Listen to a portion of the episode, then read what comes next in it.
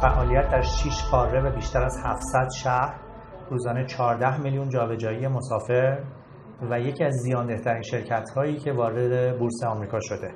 سلام من ایمان عقیلیان هستم. در خدمت محمد احمدی مدیر عامل SmartUp هستیم و در دومین برنامه بازی اعداد Game of Numbers در خدمت شما هستیم و در مورد شرکت Uber و صنعت تاکسیرانی آنلاین صحبت بکنیم. محمد خوش اومدید ممنونم. منم سلام می‌کنم. امسال سال خیلی داغیه برای IPO ها. چند تا IPO شرکت خیلی جذاب توی چند ماه اخیر اتفاق افتاده که من خیلی فهرستوار بهش اشاره می‌کنم و اگر بتونیم تو برنامه بعدی سراغ بعضی از این شرکت ها میریم. شرکت Beyond Meat با نماد بی بای اندی آی پی او کرد ارزش گذاری هلوش 9 میلیارد دلار. این شرکت گوشت های آلترناتیو می‌سازه یعنی گوشت پروتئین های گیاهی می‌سازه که به جای گوشت می‌تونه مورد استفاده قرار بگیره. شرکت زوم که تماس ویدئویی رو برقرار می‌کنه IPO کرده IPO بسیار خوب و موفقی داشته هلوش 24 میلیارد دلار ارزش شرکت امروز. Slack که خیلی از ماها باش آشنا هستیم و استفاده کردیم IPO کرده حول و حوش 18 میلیارد دلار داره معامله میشه. Pinterest که از اون استارتاپ قدیمی شبکه اجتماعی قدیمی IPO کرد. با نماد PINS حول و حوش 14 میلیارد دلار داره معامله میشه.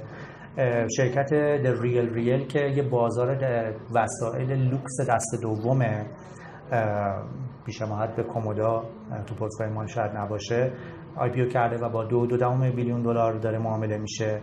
Fiverr پلتفرم خدمات ارزون IPO کرد چند هفته پیش بوده 850 میلیون دلار داره معامله میشه و Chewy که یه فروشگاه بزرگ خوراک pet هست خوراک و وسایل pet با حول و حوش 13 و 14 billion دلار داره معامله میشه. بازار خیلی شلوغیه بازار IPO امسال. آره. من یه نکته بگم که حالا به نظر خودم جالبه. توی مالی ما یه بحثی داریم به نام market sentiment یعنی اینکه حس و حال سرمایه گذاران نسبت به اوضاع کلی بازار چیه؟ یکی از شاخصهایی که باهاش market sentiment یا روحیه سرمایه گذاران نسبت به اوضاع بازار رو میسنجن تعداد و میزان IPO هاست.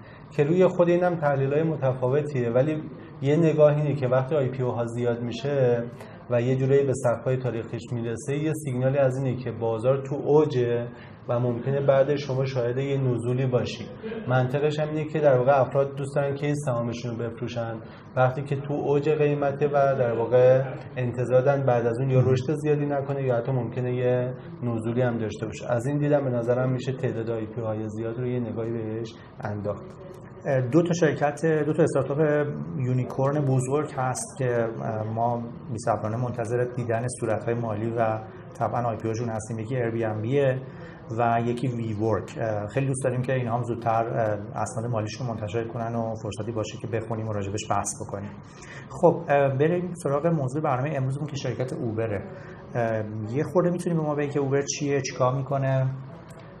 از کنم خدمتتون که خب اوبر رو کمه می‌شناسن فقط نکته که وجود داره معمولا هم وقتی میگیم اوبر در کنار لیفت میاد و نکته که وجود داره باید بهش توجه داشته باشیم اینه که اوبر برخلاف لیفت تنوع خیلی بیشتری داره. من تو صحبتی که امروز خواهم, خواهم داشت و صحبت خواهم کرد خیلی وام خواهم گرفت و صحبتی که آقای داموداران در مورد اوبر کرده این رو همین اول رفرنس صحبت هم رو بگم.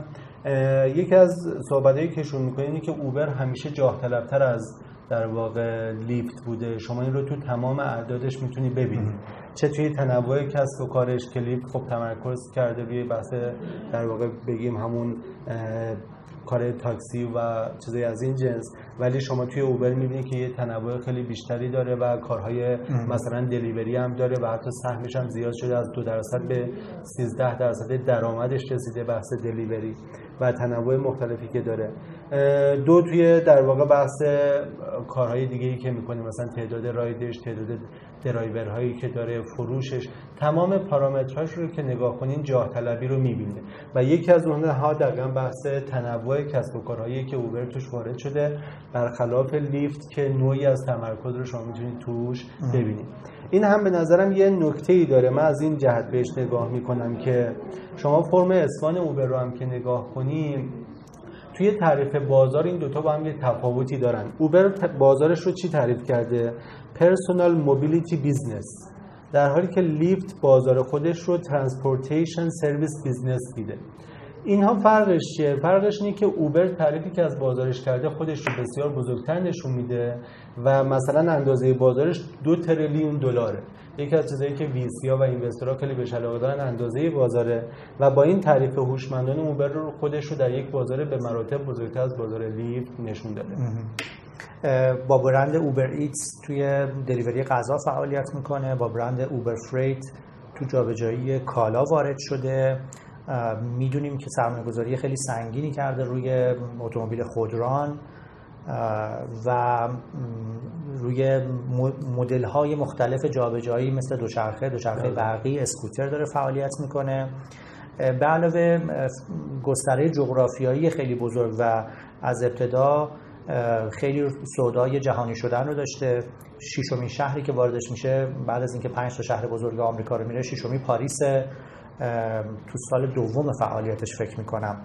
یه داستان خیلی جالبی از داستان شکلی حالا از شکست های قبلی خود تراویس کلانیک شرکتی که داشته دعوای حقوقی 250 میلیارد دلاری که علیه شرکتش طرح میشه اعلام ورشکستگی می‌کنه و شرکت دومشو بالاخره می‌تونه با یه رقم کمی هولوش فکر کنم 20 میلیون دلار بفروشه که اونم حالا به خاطر ساختار سهامی داشته همش رو در واقع سهم خود تراویس نبوده. و یکی دو سالی این وسط در واقع داره خوش میگذرونه و فرصت ها رو بررسی می‌کنه و چند تا انجل اینوستینگ می‌کنه با اون کوفاندر قبلیش. تا اینکه کم کم روی این business همگرا میشن و اول هم خودش مدیر عامل نبوده یه مدیر عامل استخدام می‌کنه یه توییت معروفی هست که توییت می‌کنه میگه دنبال یه آدم business developer خیلی جنگجو میگردم. و روزی که پلیس میاد و دفتر سان فرانسیسکو Uber پلمپ می‌کنه تراویس میگه که خب نه حالا دیگه بازی جدیه و خودم می‌خوام بیام مدیر عامل بشم. یکی از چیزهای خیلی جالب اینه که این بیزینس از روز اول میشه گفت product market fit داشته. و تقریبا از روز اولی که app رو launch می‌کنن تو سان فرانسیسکو اول هم توی بازار ماشین های لوکس و black car داره وارد میشه. تقریبا non-stop داره رشد می‌کنه. و داستانی هم که داره به سرمایه گذارا توی فایل اسمانش ارائه میده فقط میشه گفت داستان, رشد. من یه چند تا عدد بخونم دقیقا در تایید صحبتی که کردی. رشدی که در واقع Uber اعدادی که توی رشد ساخته مثلا gross billings ش 160 درصد اعدادی که می‌خوام از 2016 تا 2018 مثلا گروس بیلینگزش 160 درصد رشد داشته از 19 به 50 میلیارد دلار رسیده. پولیه که در واقع داره از مسافر دقیقاً می‌گیره. می‌گیره. نت رونیو یعنی اون قسمتی که به خود پلتفرم می‌رسه 211 درصد رشد داشته از 3 میلیارد به 10 میلیارد دلار.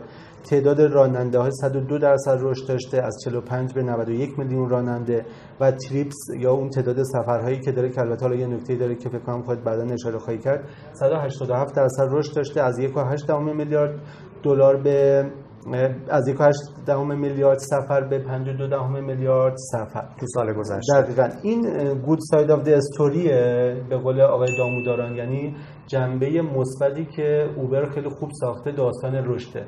و این خیلی خوب در واقع به investor ها تونسته اینو بفروشه و نشونش و گواهی این حرف اینه که چقدر پول تونسته از investor ها بگیره. اما یه bad side of story داره که حالا توی بحث ارزش گذاری Uber توسط آقای داموداران خیلی خوب بهش بحث میشه اینه که خیلی خوب پول داره از دست میده. خیلی losing money رو هم خوب بلده. همونطور که بلده خیلی خوب پول در بیاره خیلی راحت هم پول از دست میده. ضررهایی که مثلا داشته فرض کن EBIT ش یعنی سود, سود یا زیان عملیاتیش از ضرر 2.9 میلیارد دلار به 2.4 میلیارد دلار رسیده و چیزایی از این جنس. و این نشون میده که در واقع شاید ساختار هزینه هاش خیلی نگران کننده است. و حالا تعبیری هم که خود آقای داموداران می‌کنه میگه Uber یه business یه که لبه تیغ داره حرکت می‌کنه. اون داستان رشدش خیلی آینده جذابی رو براش داره رقم می‌زنه و میفروشه. ولی اون سمت اگه هزینه‌هاش رو نتونه کنترل کنه و به سمت سودآوری حرکت نکنه خیلی راحت می‌تونه کسب و کار implode کنه و collapse کنه و از بین بره. Uber تا قبل از IPO حدود 20 میلیارد دلار تأمین مالی کرده. عدد بسیار بزرگیه 20 میلیارد دلار. و فکر نمی کنم استارتاپی دیگه ای باشه که تو این اندازه ها و اشل تامین مالی کرده باشه. من روی این عدده یکم صحبت کنیم. خود scale 20 میلیارد دلار برای اینکه یکم درکش کنیم چند تا عدد بگیم. یکی ما اولا می‌تونیم با فروش نفت یک سال کشورمون مقایسه کنیم. یعنی تو سالهایی که ما خوب می‌تونستیم نفت بفروشیم و تحریم نبودیم از اردر 30 40 میلیارد دلار مثلا نفتی بوده که سالانه می‌تونستیم بفروشیم.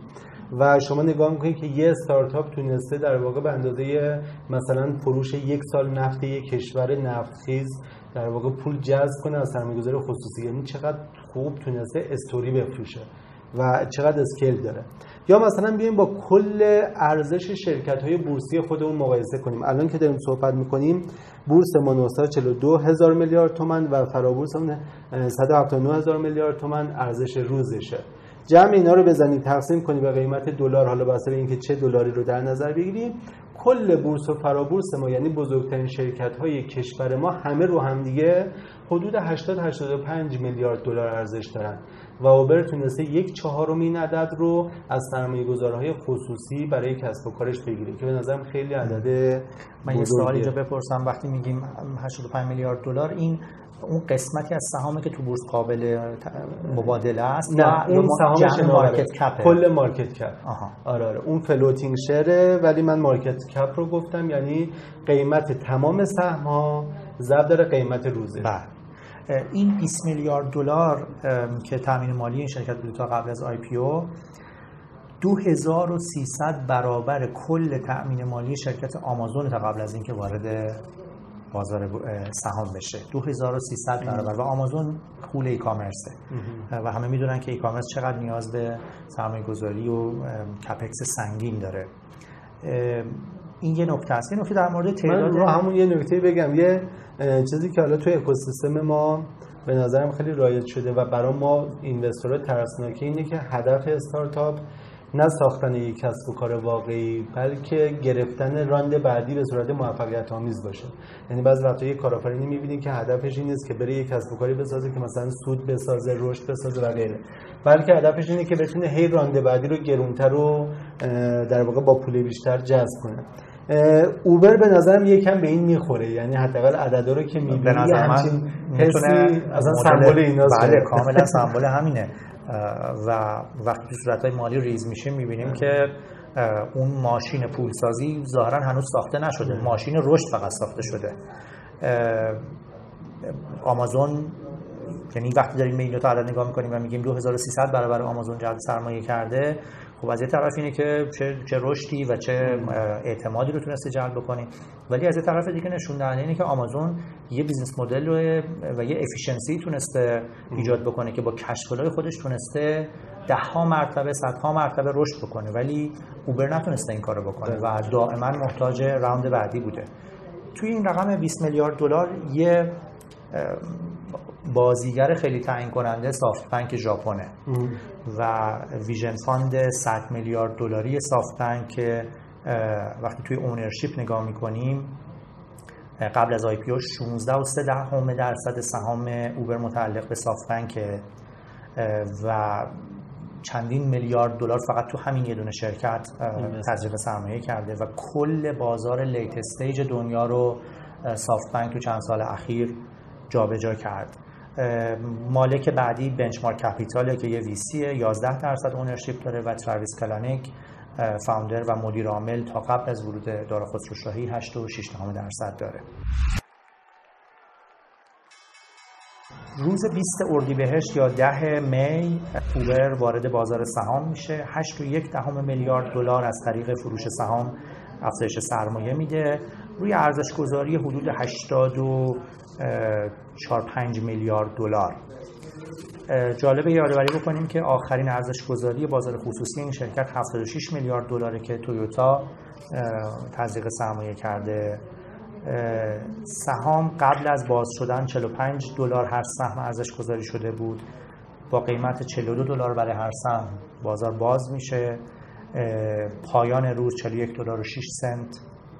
سهام بسته میشه و امروز که در خدمتتون هستیم داره 44 دلار و 27 سنت هر سهم معامله میشه. تقریبا بعد از یه افت چند هفته ای برگشته به قیمت روز IPO یعنی امروز ارزش شرکت هولوش 75 میلیارد دلار. درست. یه نکته که به نظرم جالبه آقای داموداران رو که حالا بهش هم اشاره کردم ایشون خب استاد finance هست توی در واقع ارز کنم خدمتتون دانشگاه نیویورک University و یکی از حالا معروف ترین و برندترین آدم ها هست توی حوزه ارزش گذاری من توصیه می‌کنم اگه کسی با کارهای داموداران آشنا نیست یه مقدمه خیلی خوب اینه که اسمش رو توی یوتیوب سرچ کنید و بعضی از ویدیوها و تحلیل هایی که می‌کنه رو ببینید و واقعا یه مقدمه می‌تونه باشه. البته واقعا باید کتاباشو خوند و دقیقا کتاب ارزش گذاریشون دقیقا یکی از کتابی مرجع ارزش گذاریه که حتما توصیه می‌کنم اگر کسی قرار کارش ارزش گذاری باشه یا کلا کارهای مالی بکنه حتما باید بخونه. خیلی آموزنده است. توی بحث ارزش گذاری ایشون یه ارزش گذاری روی اوبر انجام داده. البته به طرق مختلف به چند تا ارزش گذاری رسیده که باز توصیه می‌کنم اونها رو هم ویدیوش توی یوتیوب هست ببینن و فایل هاش رو مطالعه کنن. خیلی به نظرم آموزنده است. یعنی یه در واقع آموزش هینه کارو بهتون نشون میده. ارزش گذاری که ایشون بهش رسیده حدود 60 میلیارد دلاره. مثلا با یه روش به 58 میلیارد دلار رسیده با یه روش به 62 میلیارد دلار رسیده که خب می‌بینیم که در واقع ارزش گذاری که در واقع بازار قبول کرده متفاوته و پرسینگی که بازار بهش داده حدوداً 15 میلیارد دلار بالاتر از ارزش گذاری ایشون هست. این یه نکته که خود ارزشه چقدره؟ ما یه کار دیگه ای که به جز ارزش گذاری انجام میدیم یا بگیم در کنار ارزش گذاری انجام میدیم تحلیل ریسکه. یعنی میایم می‌بینیم که خب هر ارزش گذاری که من می‌کنم با یه مفروضاتیه. مثلا خب چقدر قراره از بازار بگیره سی چقدر سی چقدر و چیزای اینجوری. که ایشون یه تحلیل ریسکی هم انجام داده و اون تحلیل ریسکی نشون میده که ارزش گذاری اوبر به یک سری پارامترها بسیار بسیار حساسه. و اونها می‌تونه آینده اوبر رو به یه شرکتی بالای 100 میلیارد دلار برسونه یا به یک شرکت کاملا ورشکسته تبدیل کنه. و این خیلی مهمه که چه مسیری رو انتخاب می‌کنه و چی کار می‌کنه.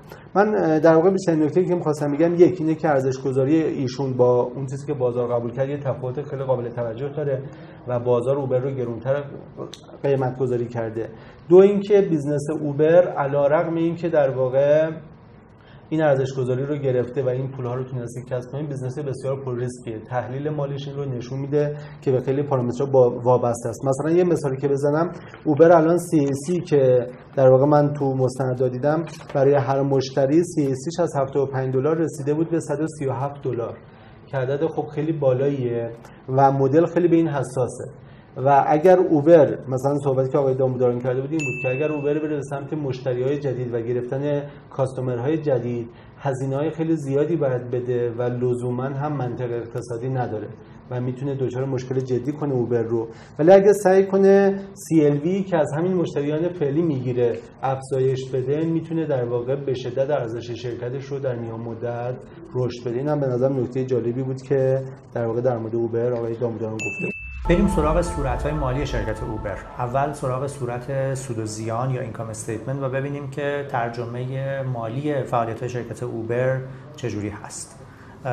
محمد رشد درآمد و سایر اعداد یه نگاهی بکنیم. آره ببین به نظر مهمترینش عددی که تو نگاه اول جلب توجه می‌کنه فروش و در واقع درآمد شرکت رونیوشه 2016 3 میلیارد و 800 میلیون دلار بوده که توی 2018 شده 11 میلیارد و 270 میلیون دلار که یه رشد خیلی جدی رو سه برابر تو دو سال. دقیقا. بعد بیایم پایینتر هزینه رو می‌تونیم نگاه کنیم که از دو دو دهم میلیارد دلار تو 2016 cost of operation ش رسیده به 56 دهم میلیارد دلار و این رو بیایم جمع بندی کنیم. loss from operation ش یعنی زیان عملیاتیش تقریبا ثابت مونده. یعنی 2016 3 میلیارد دلار بوده. توی 2018 هم 3 میلیارد دلار بوده. خیلی نزدیک هم از 10 میلیون دلار اختلاف داره 3 میلیارد و 23 میلیون دلار بوده 2016 2018 3 میلیارد و 33 میلیون دلار بوده. نکته جالبش میشه economies of scale دیگه. یعنی شما زیانت ثابت مونده ولی تقسیم کنی به فروشت. زیان عملیاتی حاشیه زیان عملیاتی کم شده. نسبتش نزولی بوده. نسبتش نزولی بوده که این می‌تونه امید بخش باشه به این معنی که ما داریم به سمت پرافیتبیلیتی و سوداوری حرکت می‌کنیم. یه جمله هم آقای در واقع دارا خسروشاهی گفته بود که ما باید راه در واقع اوبر به سمت سوداوری رو نشون بدیم که وجود داره و به اون سمت حرکت کنیم. که این از منظر آقای داموداران هم یکی از مهمترین سوالاتیه که هر اینوستوری تو اوبر باید از خودش بپرسه. آیا این راه رو پیدا کرده یا امیدی هست که بتونه پیدا کنه یا خیر؟ یه نکته که هست اینه که دو سال 2017 bottom line ش رو که نگاه می‌کنیم 4 میلیارد دلار زیان داره نشون میده. درست. و سال 2018 داره نزدیک 1 میلیارد دلار سود نشون میده. در حالی که عملیات همچنان زیان است. دقیقاً. این یه توی ایران این کار خیلی رایجه. یعنی کسی که صورت مالی شرکت ایرانی رو بررسی کنه با همچین trick های خیلی آشناست. دلیلش هم در واقع یه سود غیر عملیاتیه که اوبر شناسایی کرده. شما اگه سود زیانش رو نگاه کنی یه آیتمی داره تحت عنوان other income توی پرانتز expense ویرگول net. این توی ایران ما ترجمهش می‌کنیم خالص سایر درآمدها و هزینه های غیر عملیاتی یا ساده ترش سود غیر عملیاتی یعنی سودی که از کسب و کار اصلیم به دست نیاوردم که عددش خیلی بزرگه. تقریبا 5 میلیارد دلاره. 4 ممیز 993 میلیون دلار. میلیارد دلار. که تقریبا 5 میلیارد دلاره و این همون نکته که تو گفتی یعنی زیان عملیاتیش رو تبدیل کرده به سود یه جورایی یه شیطنت حسابداری هم آره. هست که قبل از اینکه بیای توی بورس یهو یه درآمد غیر عملیاتی 5 میلیارد دلاری اینجا میشونی. ما کلا با سود غیر عملیاتی تو مالی مشکل داریم. چرا؟ میگیم که من هر تصمیم مالی که می‌خوام بگیرم دو تا جنبه داره ریسک و بازده. خب وقتی شما سود شناسایی می‌کنی یعنی بازده خوبی داری ولی ریسک یعنی که بازدهی که داری تکرار نشه نوسان کنی. سودای غیر عملیاتی ویژگی اصلیشون اینه که تکرار پذیر نیستن مستمر نیستن. من انتظار ندارم که اوبر سال بعدم بتونه همین 5 میلیارد دلار سود غیر عملیاتی رو نشون بده. برای همین تو محاسبات هم معمولا این 5 میلیارد دلار رو لحاظ نمی‌کنم و نشونی مثبت در نظر نمی‌گیرم. مضاف بر این که اگر شما توی جریان وجه نقد اوبر بری نگاه کنیم این 5 میلیارد دلار به شکل وجه نقد خودش رو نشون نمیده. یعنی چی؟ یعنی شما بری توی آیتم های cash flow from operating activities نگاه کنی gain on gain on business divestiture ش رو نگاه کنی 3.2 میلیارد از cash ش کم کرده. به این معنی که این رو خودش هم قبول داره که پولی بابت این ورود پیدا نکرده. ما اصلا میگیم سود بی کیفیت یعنی سودی که رو کاغذ وجود داره ولی معادل خارجی پول وارد کسب و کار نمیشه. و این همون چیزی میشه که شما بهش گفتی شیطنت حسابداری توی نمودار دیگه اگه نگاه بکنیم درآمد و شکسته به درآمد business تاکسی و business delivery غذا. و یه نکته که از اونجا می‌بینیم اینه که تقریبا سرعت رشد business تاکسی خیلی کم شده و رشدهای جدید عمدتا از از اوبر ایتس یا business delivery غذاست و business های دیگه هم سهمشون توی این درآمد قابل صرف نظر کردنه. این نکته رو آقای داموداران هم توی بحث‌های مربوط به ارزش گذاری و ارزیابیش از اوبر کاملا بحث می‌کنه و اصلا اشاره می‌کنه که توی مثلا سه سال گذشته اوبر توی بعضی از کشورهای مهم کلا بازار رو واگذار کرده. مثلا توی چین عملیاتش رو متوقف کرده رفته 20 درصد دیدی رو گرفته. یا توی جنوب شرق آسیا متوقف کرده رفته 23 درصد گراب رو گرفته. یا توی روسیه در واقع متوقف کرده و رفته درصدی از سهام یاندکس تاکسی رو گرفته. و ممکنه تازه که توی هند هم بازار رو از دست بده. و رشدش توی این بحث توی این segment کسب و کارش بیشتر توی آمریکای لاتین بوده. و دقیقا رفته رو سایر line of business هاش داره کار می‌کنه. چون الان صحبت این موضوع شد اگه توی جدول دیگه هستش که درآمد رو به تفکیک جغرافیایی می‌بینیم و تو درآمد 2018 تقریبا 6.2 میلیون دلار ایالات متحده و کانادا است آمریکای شمالی آره. دو بیلیون دلار آمریکای لاتین اروپا و خاورمیانه و آفریقا روی هم یک و هفت دهم بیلیون دلار و آسیا حدود یک بیلیون دلار آره. همینطور که اشاره کردی اوبر بعد از مدتی متوجه میشه که واقعا جنگیدن توی بازار چین کار آسونی نخواهد بود و خیلی گرون براش تموم میشه.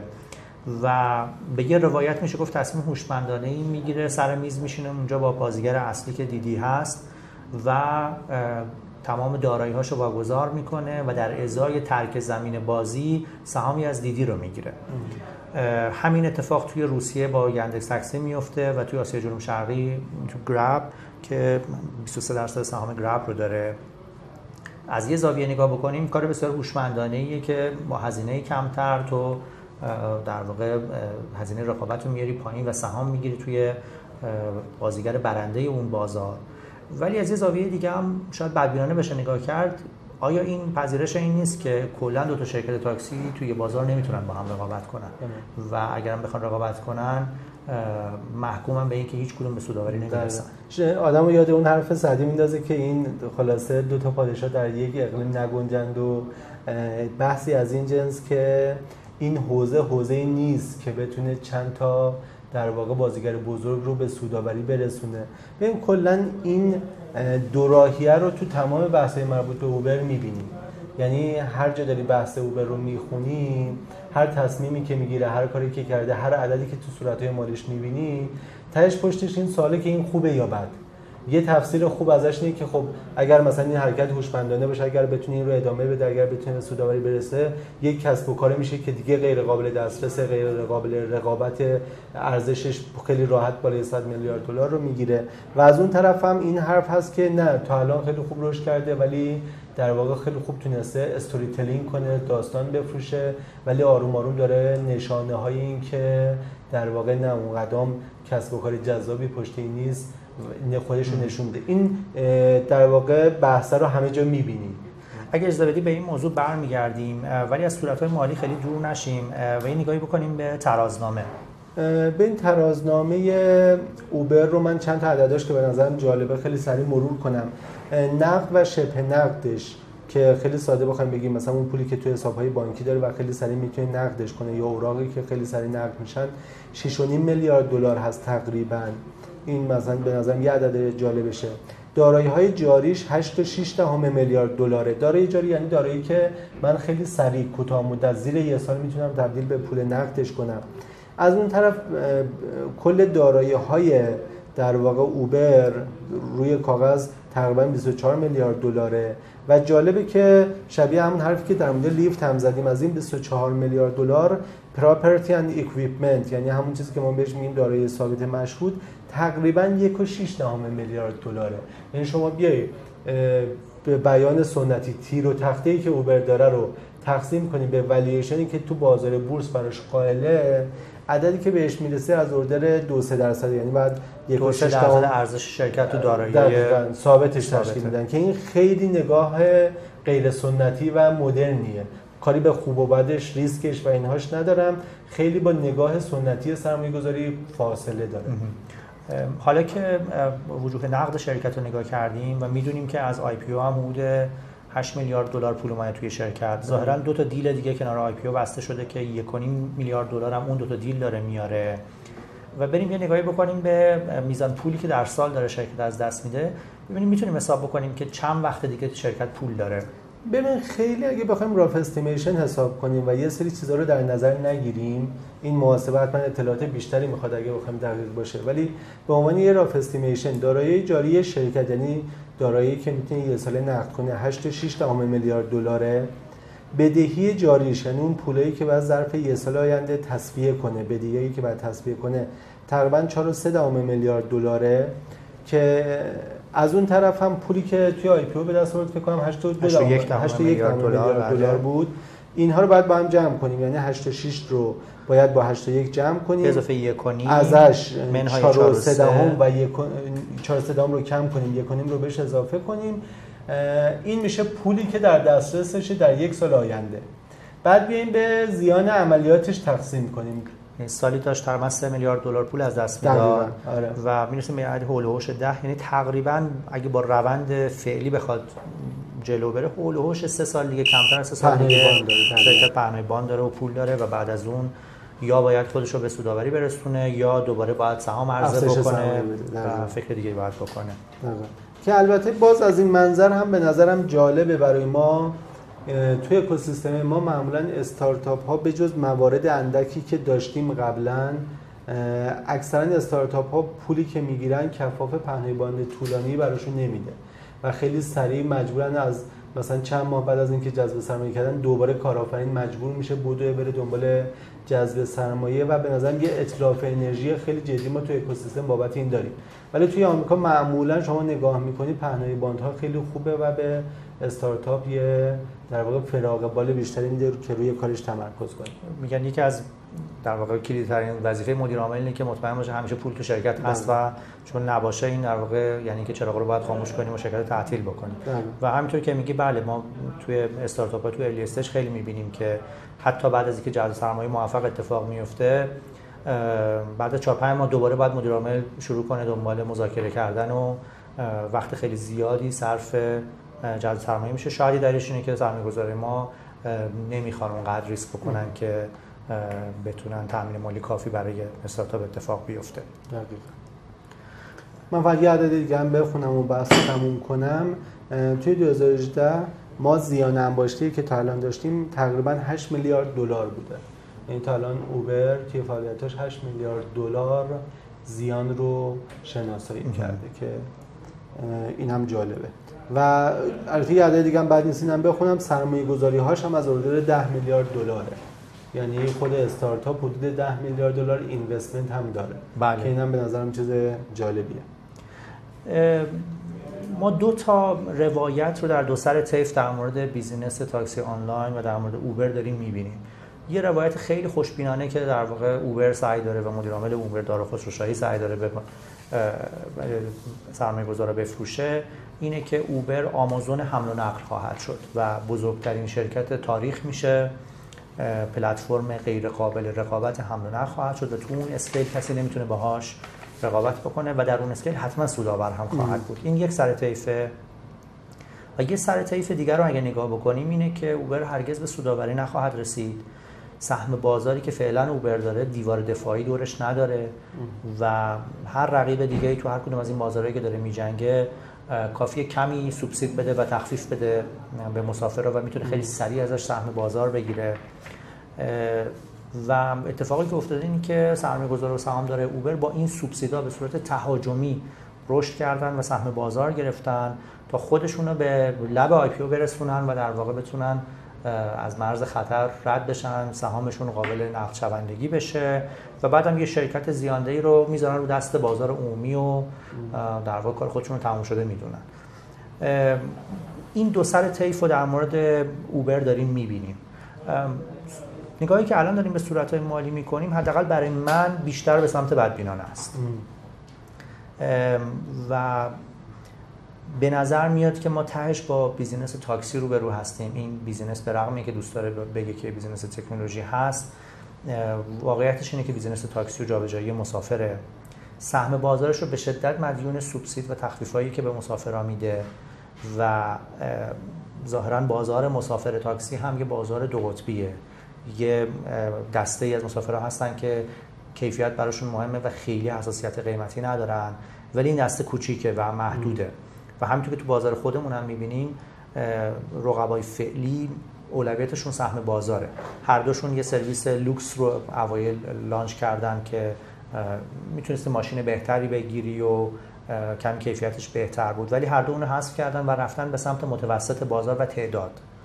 و تعداد یعنی در واقع همون متوسط تجربه تاکسی که هممون داریم و همون ماشین پراید و بالاخره اونجاست و اونا حساسیت قیم اون مسافر حساسیت قیمتش بسیار بالاست و این سوبسیدا بسیار روش تاثیر گذاره. تا وقتی این سوبسیدا هست سهم بازار می‌گیره. و رشد می‌کنه و شاید خودشو بتونه برسونه من به مرحله بعدی و دوباره جذب سرمایه بکنه. ظاهرا الان product ی که اینا دارن درست می‌کنن product سهم بازار و رشد تهاجمیه.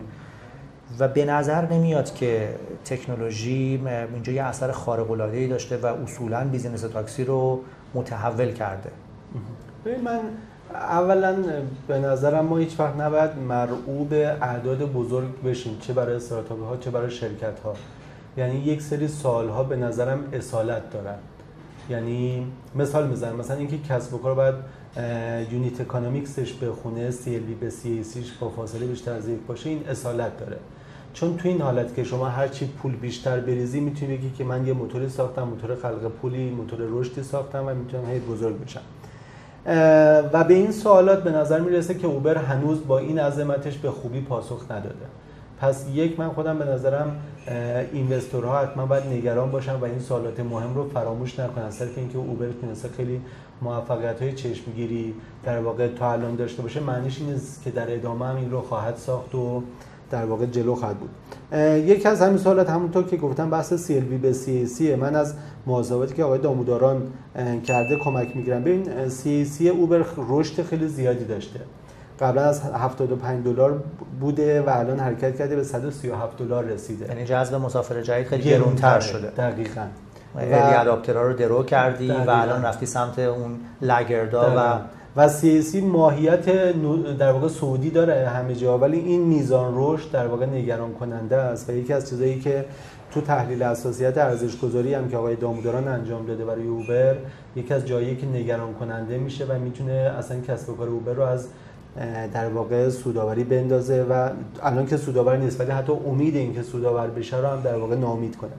یه ارزش گذاری آقای داموداران انجام داده DCF رو که انجام داده و به طور سنتی سرمایه‌گذار انجام میدن تو این stage بذاریم کنار. اومده و یه رویکرد bottom up تو ارزش گذاری استفاده کرده. چیکار کرده؟ نظرم کار قشنگی کرده.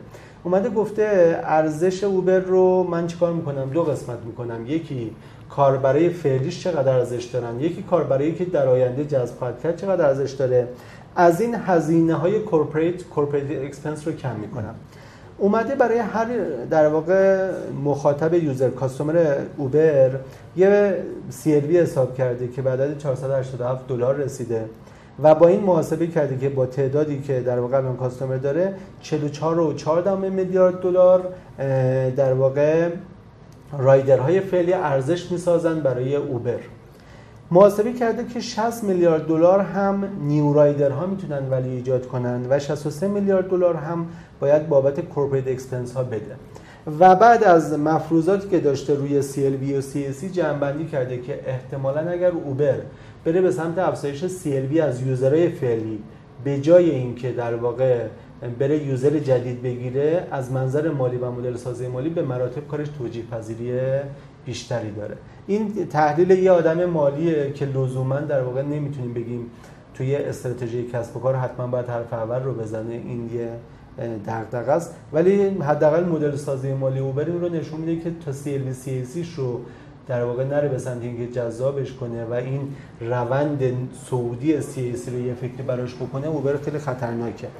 و نکته دیگه این که رو سمت ساختار هزینه خیلی دغدغه داره. آقای داموداران از این منظری که اوبر رو کنترل هزینه کاری نکرده و این از اون جاییه که پاشنه آشیل او بره و می‌تونه اون رو زمین بزنه.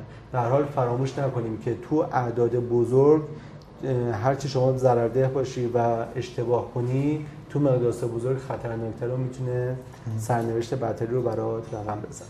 این انتقادهایی که من دارم مطرح می‌کنم لزوما به این معنی نیست که دنیا قبل از تاکسی آنلاین وضعیت خیلی بهتری داشت. خود من حاضرم پول بیشتری بدم ولی به دوران تاکسی تلفنی که ماشین نداریم و نمی‌دونم داستانای اونطوری و یا چکشونه زدن با راننده ها کنار خیابون بر نگردم یعنی من واقعا خودم به عنوان مصرف کننده اویلیبیلیتی و شفافیتی که این تاکسی آنلاین ایجاد کردن رو میپسندم و می‌خوام. و من حاضرم براش حتی پول بیشتری ولی آیا همه حاضرن؟ آیا متوسط بازار هم حاضره قیمت بیشتری برای اینها بده؟ یکی از خوششانسی ها یا نبوغ های اوبر و این business ها این بود که تونستن با سرمایه دیگران رشد بکنن. یعنی مال وارد مالکیت خودرو نشدن و از خودروهای موجود و ظرفیت خالی اونها استفاده کردن. شاید یه خوششانسی دیگه اوبر این بود که بعد از بحران اقتصادی 2008 تا سال 2010 که لانچ کرد بیکاری خیلی زیاد بود تو آمریکا و خیلی حتی اونایی که شاغل بودن خیلی وقتا شغل تمام وقت نداشتن آدما پاره وقت بودن نیاز به درآمد اضافه داشتن و خیلی راحت اومدن وارد این شبکه شدن و شروع کردن به رانندگی کردن برای اوبر. این هم خیلی کمک کرد به رشدش. اینکه سرمایه در واقع کپکس خودرو رو نداشت تعداد زیادی راننده آماده بودن که بیان سرویس بدن. ولی اگه توی به نگاه بکنیم نقاط قوت خودش رو اوایل document نشون می نویسه میگه من یه network خارق العاده دارم تکنولوژی خارق العاده دارم operational excellence دارم و توی عملیات به یک مهارت خاصی رسیدم و تخصص در محصول دارم. ولی واقعا بی‌تعارف اگه نگاه بکنیم اثر شبکه‌ای تاکسی چیه؟ یعنی اگر تاکسی مثلا اسنپ توی تهران قوی باشه آیا لزوما این توی اصفهان هم اثر داره؟ به نظر نمیاد اونجوری که مثلا شبکه های اجتماعی فیسبوک و لینکدین اثر شبکه‌ای دارن تاکسی هم همونطور اثر شبکه‌ای رو می‌تونه در واقع اثر n به توان دو رو برای خودش متصور باشه. من حداقل اینو نمی‌بینم. یا تکنولوژی رو اگر به عنوان یکی از نقاط قوت ببینیم شاید راه اندازیش اوایل یه مقدار کار سختی بود ولی الان توی سراسر دنیا ده ها شرکت هستن که تکنولوژی مشابهی دارن و به نظر میاد تکنولوژی هم مسافر به مسافر این در در اینه که بریر تو اینتری خیلی آره جدی من نمی‌بینم. نمی‌بینیم و اگر سرمایه گذار دیگه ای هم بیاد و یه تیکه بازار رو بگیره دستش واقعا می‌تونه ورود بکنه و از هر کدوم از اینا سهم بازار بگیره. یه نگرانی حالا من برگردم به اون جمله معروف آقای وارن بافت که میگه من دوست دارم وارد کسب و کاری بشم جای سرمایه گذاری کنم که بشه دوره اون کسب و کار خندق کشید. بله. و این خندق در واقع سمبل من خندق رو نمی‌بینم. دور در واقع business تاکسی آنلاین.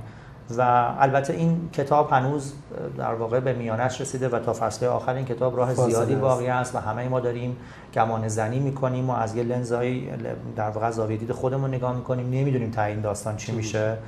امیدوارم که اتفاقای خوبی بیفته برای همه در واقع این پدیده فراتر از business پدیده کاملا اجتماعی اقتصادی در مقیاس کشورها و جهان. امیدوارم اتفاقای خوبی بیفته. ما کنجکاویم ببینیم چی میشه. و برای شرکت های ایرانی هم که توی این حوزه دارن کار می‌کنن و بهشون خسته نباشید میگم براشون آرزوی موفقیت می‌کنیم. کار آسونی نیست قطعا.